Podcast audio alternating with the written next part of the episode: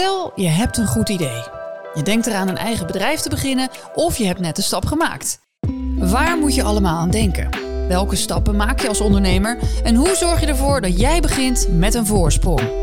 Mijn naam is Eva Brouwer en in deze podcastserie Begin met een voorsprong hoor je hoe bekende ondernemers hun eerste stappen hebben gezet met hun bedrijf.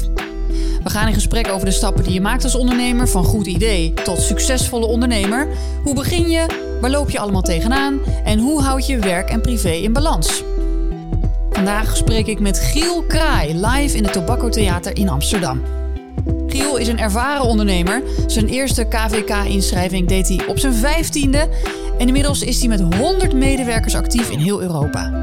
Hij probeert altijd de juiste mensen om zich heen te verzamelen. Niet diegenen die met hem instemmen, maar degene die tegengas geven en hem aanvullen op de punten waar hij zelf geen ster in is. Welkom bij deze podcast met Giel Kraai, oprichter van Welvaren, iStubs en Linkerlight.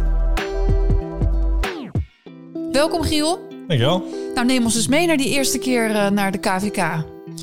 Ik kan niet zo goed meer herinneren eigenlijk. Want je was zo piep? ik was zo piep. Was, ik heb geen idee. Nee. Ik weet dat mijn moeder, mijn moeder heeft eigenlijk later nog wel meer aan mij verteld dat ze dat bij mij ging doen. Maar het voelde voor mij toen ook niet per se als een big deal of zo. Het voelde iets wat, uh, iets wat je bij de overheid moet doen om verder je bedrijf te laten groeien. Ja, dus maar je was in ieder geval dus minderjarig en je moest dus uh, je met Ja. een uh, Ja, ouder ja. bij de KVK laten inschrijven. Wat was dat eerste bedrijfje? Het eerste bedrijf was een eh, kledingbedrijf waar ik, eh, waar ik eh, het kleding verkocht wat eh, een beetje uit de mode was, maar wel merkkleding. Ik verkocht dat aan, eh, aan klasgenoten op de, op de hogeschool toen, en de, of de middelbare school. En dat, dat werd telkens groter, dat tot op een gegeven moment een webshopje bij kwam. Ja, dan moet je ook een KVK-nummer op een gegeven moment krijgen, werd mij toen verteld. En waar haalde je toen die kleren vandaan bijvoorbeeld?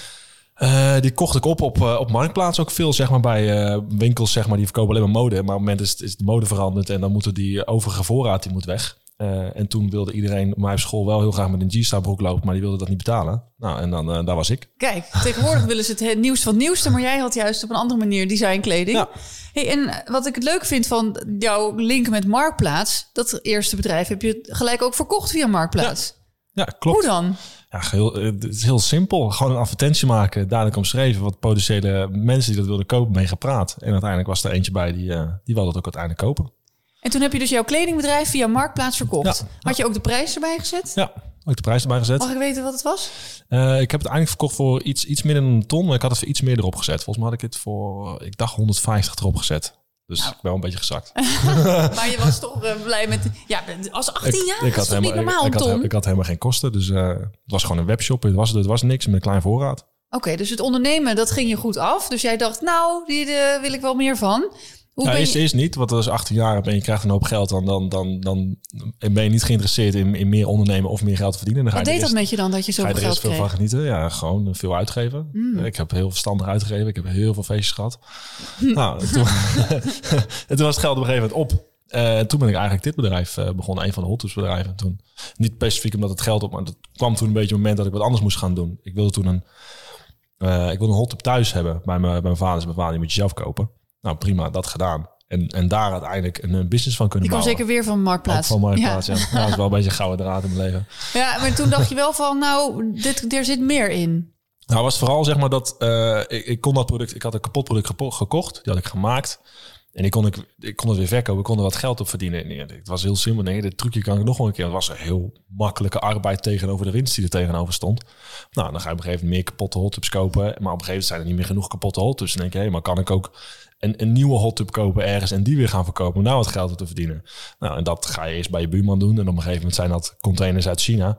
En dan op een gegeven moment komt het moment van, dit kunnen we ook misschien wel zelf gaan maken. En nou, het- elke gaat een stapje een beetje gaat het door. En dat verkopen, ging jou dat natuurlijk af? Ehm, ja, ja, ik ben zelf wel een beetje een verkoper. Ik vind het ook heel, heel leuk. Ik heb altijd op Marktplaats dingen verkocht van Klein Zwaan al. Ja, dat uiteindelijk, eh, ik, heb, ik denk dat ik nu best een poosje meer. Misschien dat ik drie jaar niet meer in de showroom sta of zo. Maar daarvoor heb ik echt eh, veel eh, op zaterdagen altijd meegeholpen bij ons in de showrooms om spullen te verkopen aan de klant. Dus als mensen nu luisteren die of een idee hebben of ze zijn al zelf begonnen, hoe, wat, wat kan je hem meegeven over dat juist beginnen met dat, met dat verkopen?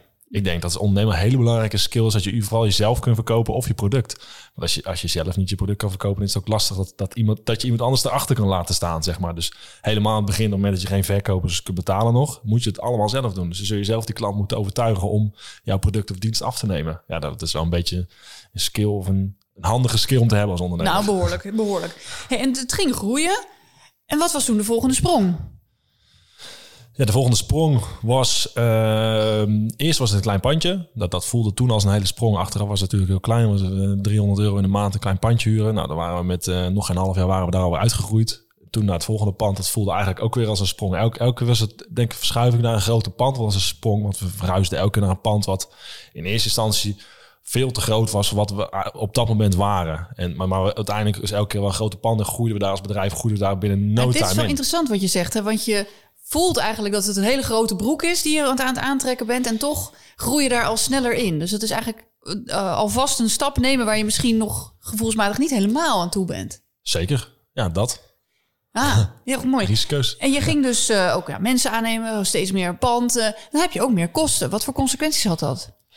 Ja, dat in eerste instantie had het toen vooral toen we eigenlijk in het eerste pand ging nog wel. Dat was een, eh, was een klein pandje. En ik had er ook nog maar één medewerker. Dus dan deed het niet zoveel met de kosten. Maar toen we naar het volgende pand gingen, kwamen daar best wel wat meer medewerkers bij. Tussen de vijf en de tien, denk ik. Ja, toen moesten we ook op een gegeven moment, omdat we ook kosten kregen van mensen die zich niet direct terugverdienen. Kijk, een verkoper die verdient zichzelf direct terug dat hij hotels verkoopt. Maar iemand die hotels staat in te pakken, wij spreken, die verdient zich niet per se gelijk terug. Dus dan moesten we die medewerker, die moest ook bij de kosten erbij gerekend worden.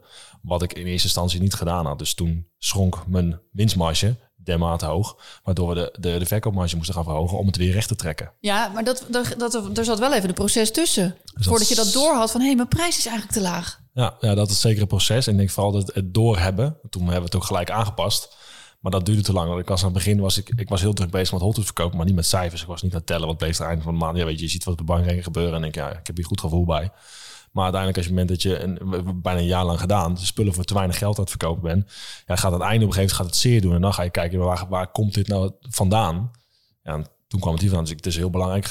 Was beter geweest als we gelijk aan het begin inzichtelijk hadden gehad wat precies de kosten overal waren. Desalniettemin heb je daardoor wel veel meer grip op de kosten gekregen. De hard way heb je Ja. dat geleerd.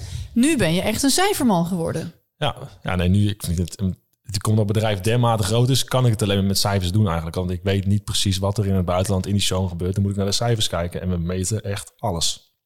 Ja, maar je kan denken van ja, maar ik ben, eh, ik bedoel, ik ben dan een presentator, presentatietrainer. Denk ja, maar ik vind eh, vooral eh, werken met mensen gewoon heel leuk. Ja, dat kan. Dan, dan, dan vind je dit minder leuk misschien. Maar dat hoort er wel bij. Ik bedoel, en ik, natuurlijk doe ik dat zelf ook, maar dat hoort er dus 100% ja, bij. ik, ik, maar ik, ik vind het ook bij mij. Ik vind het vooral zelf ook superleuk. Want ik ben ook daar. Ik, op een gegeven moment word je verliefd op de cijfers. Want die cijfers die representeren iets. Het is niet alleen maar een plat. Kijk, als je iemand, iemand anders zijn cijfers vind ik minder interessant. Want dat is iemand anders zijn verhaal. Maar je eigen cijfers, over het algemeen vind je die ook heel interessant. En op het moment dat je een beetje snapt hoe ze werken, wanneer ze omhoog en wanneer ze naar beneden gaan, dan moet je natuurlijk wel echte dingen voor doen.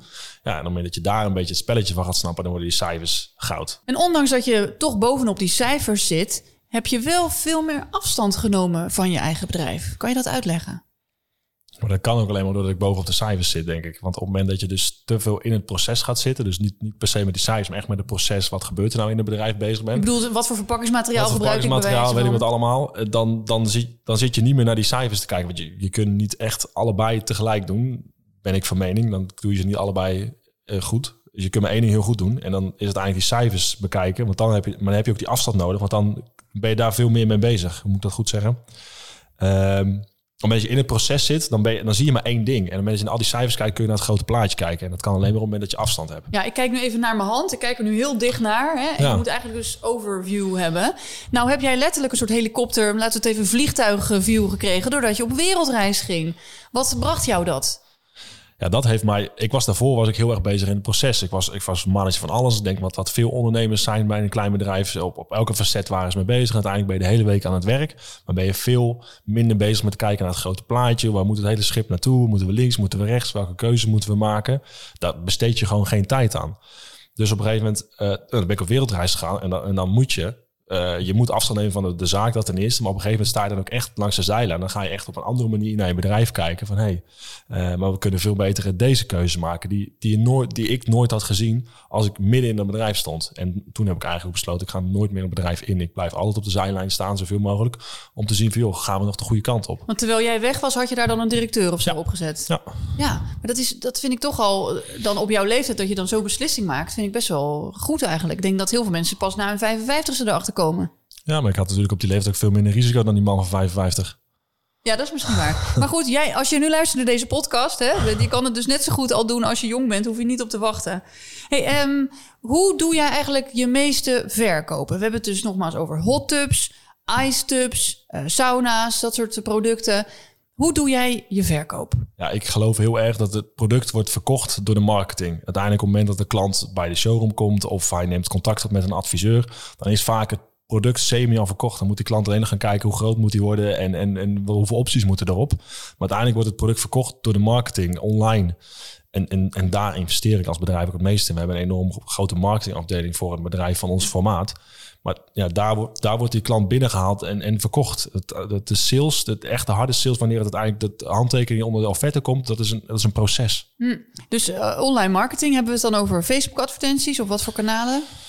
Ja, Facebook advertenties is natuurlijk heel breed. We doen via Facebook doen wij vooral awareness. Dus gewoon aanwezig zijn, mensen laten zien dat er überhaupt uh, hot tub saunas en ijsbaden zijn. Maar daarna is het natuurlijk uh, eh, CACO. Op het moment dat mensen een, een hot tub willen gaan kopen en ze gaan dat googelen, dan moet je er bovenaan staan. dan moet je gewoon bovenaan staan. Op het moment dat je niet bij de bovenste drie staat, dan doe je gewoon niet mee. En nou zijn er niet zoveel mensen die hot tubs verkopen. Dus mensen die een wat, misschien wat algemener product verkopen, wat zou je daarin adviseren?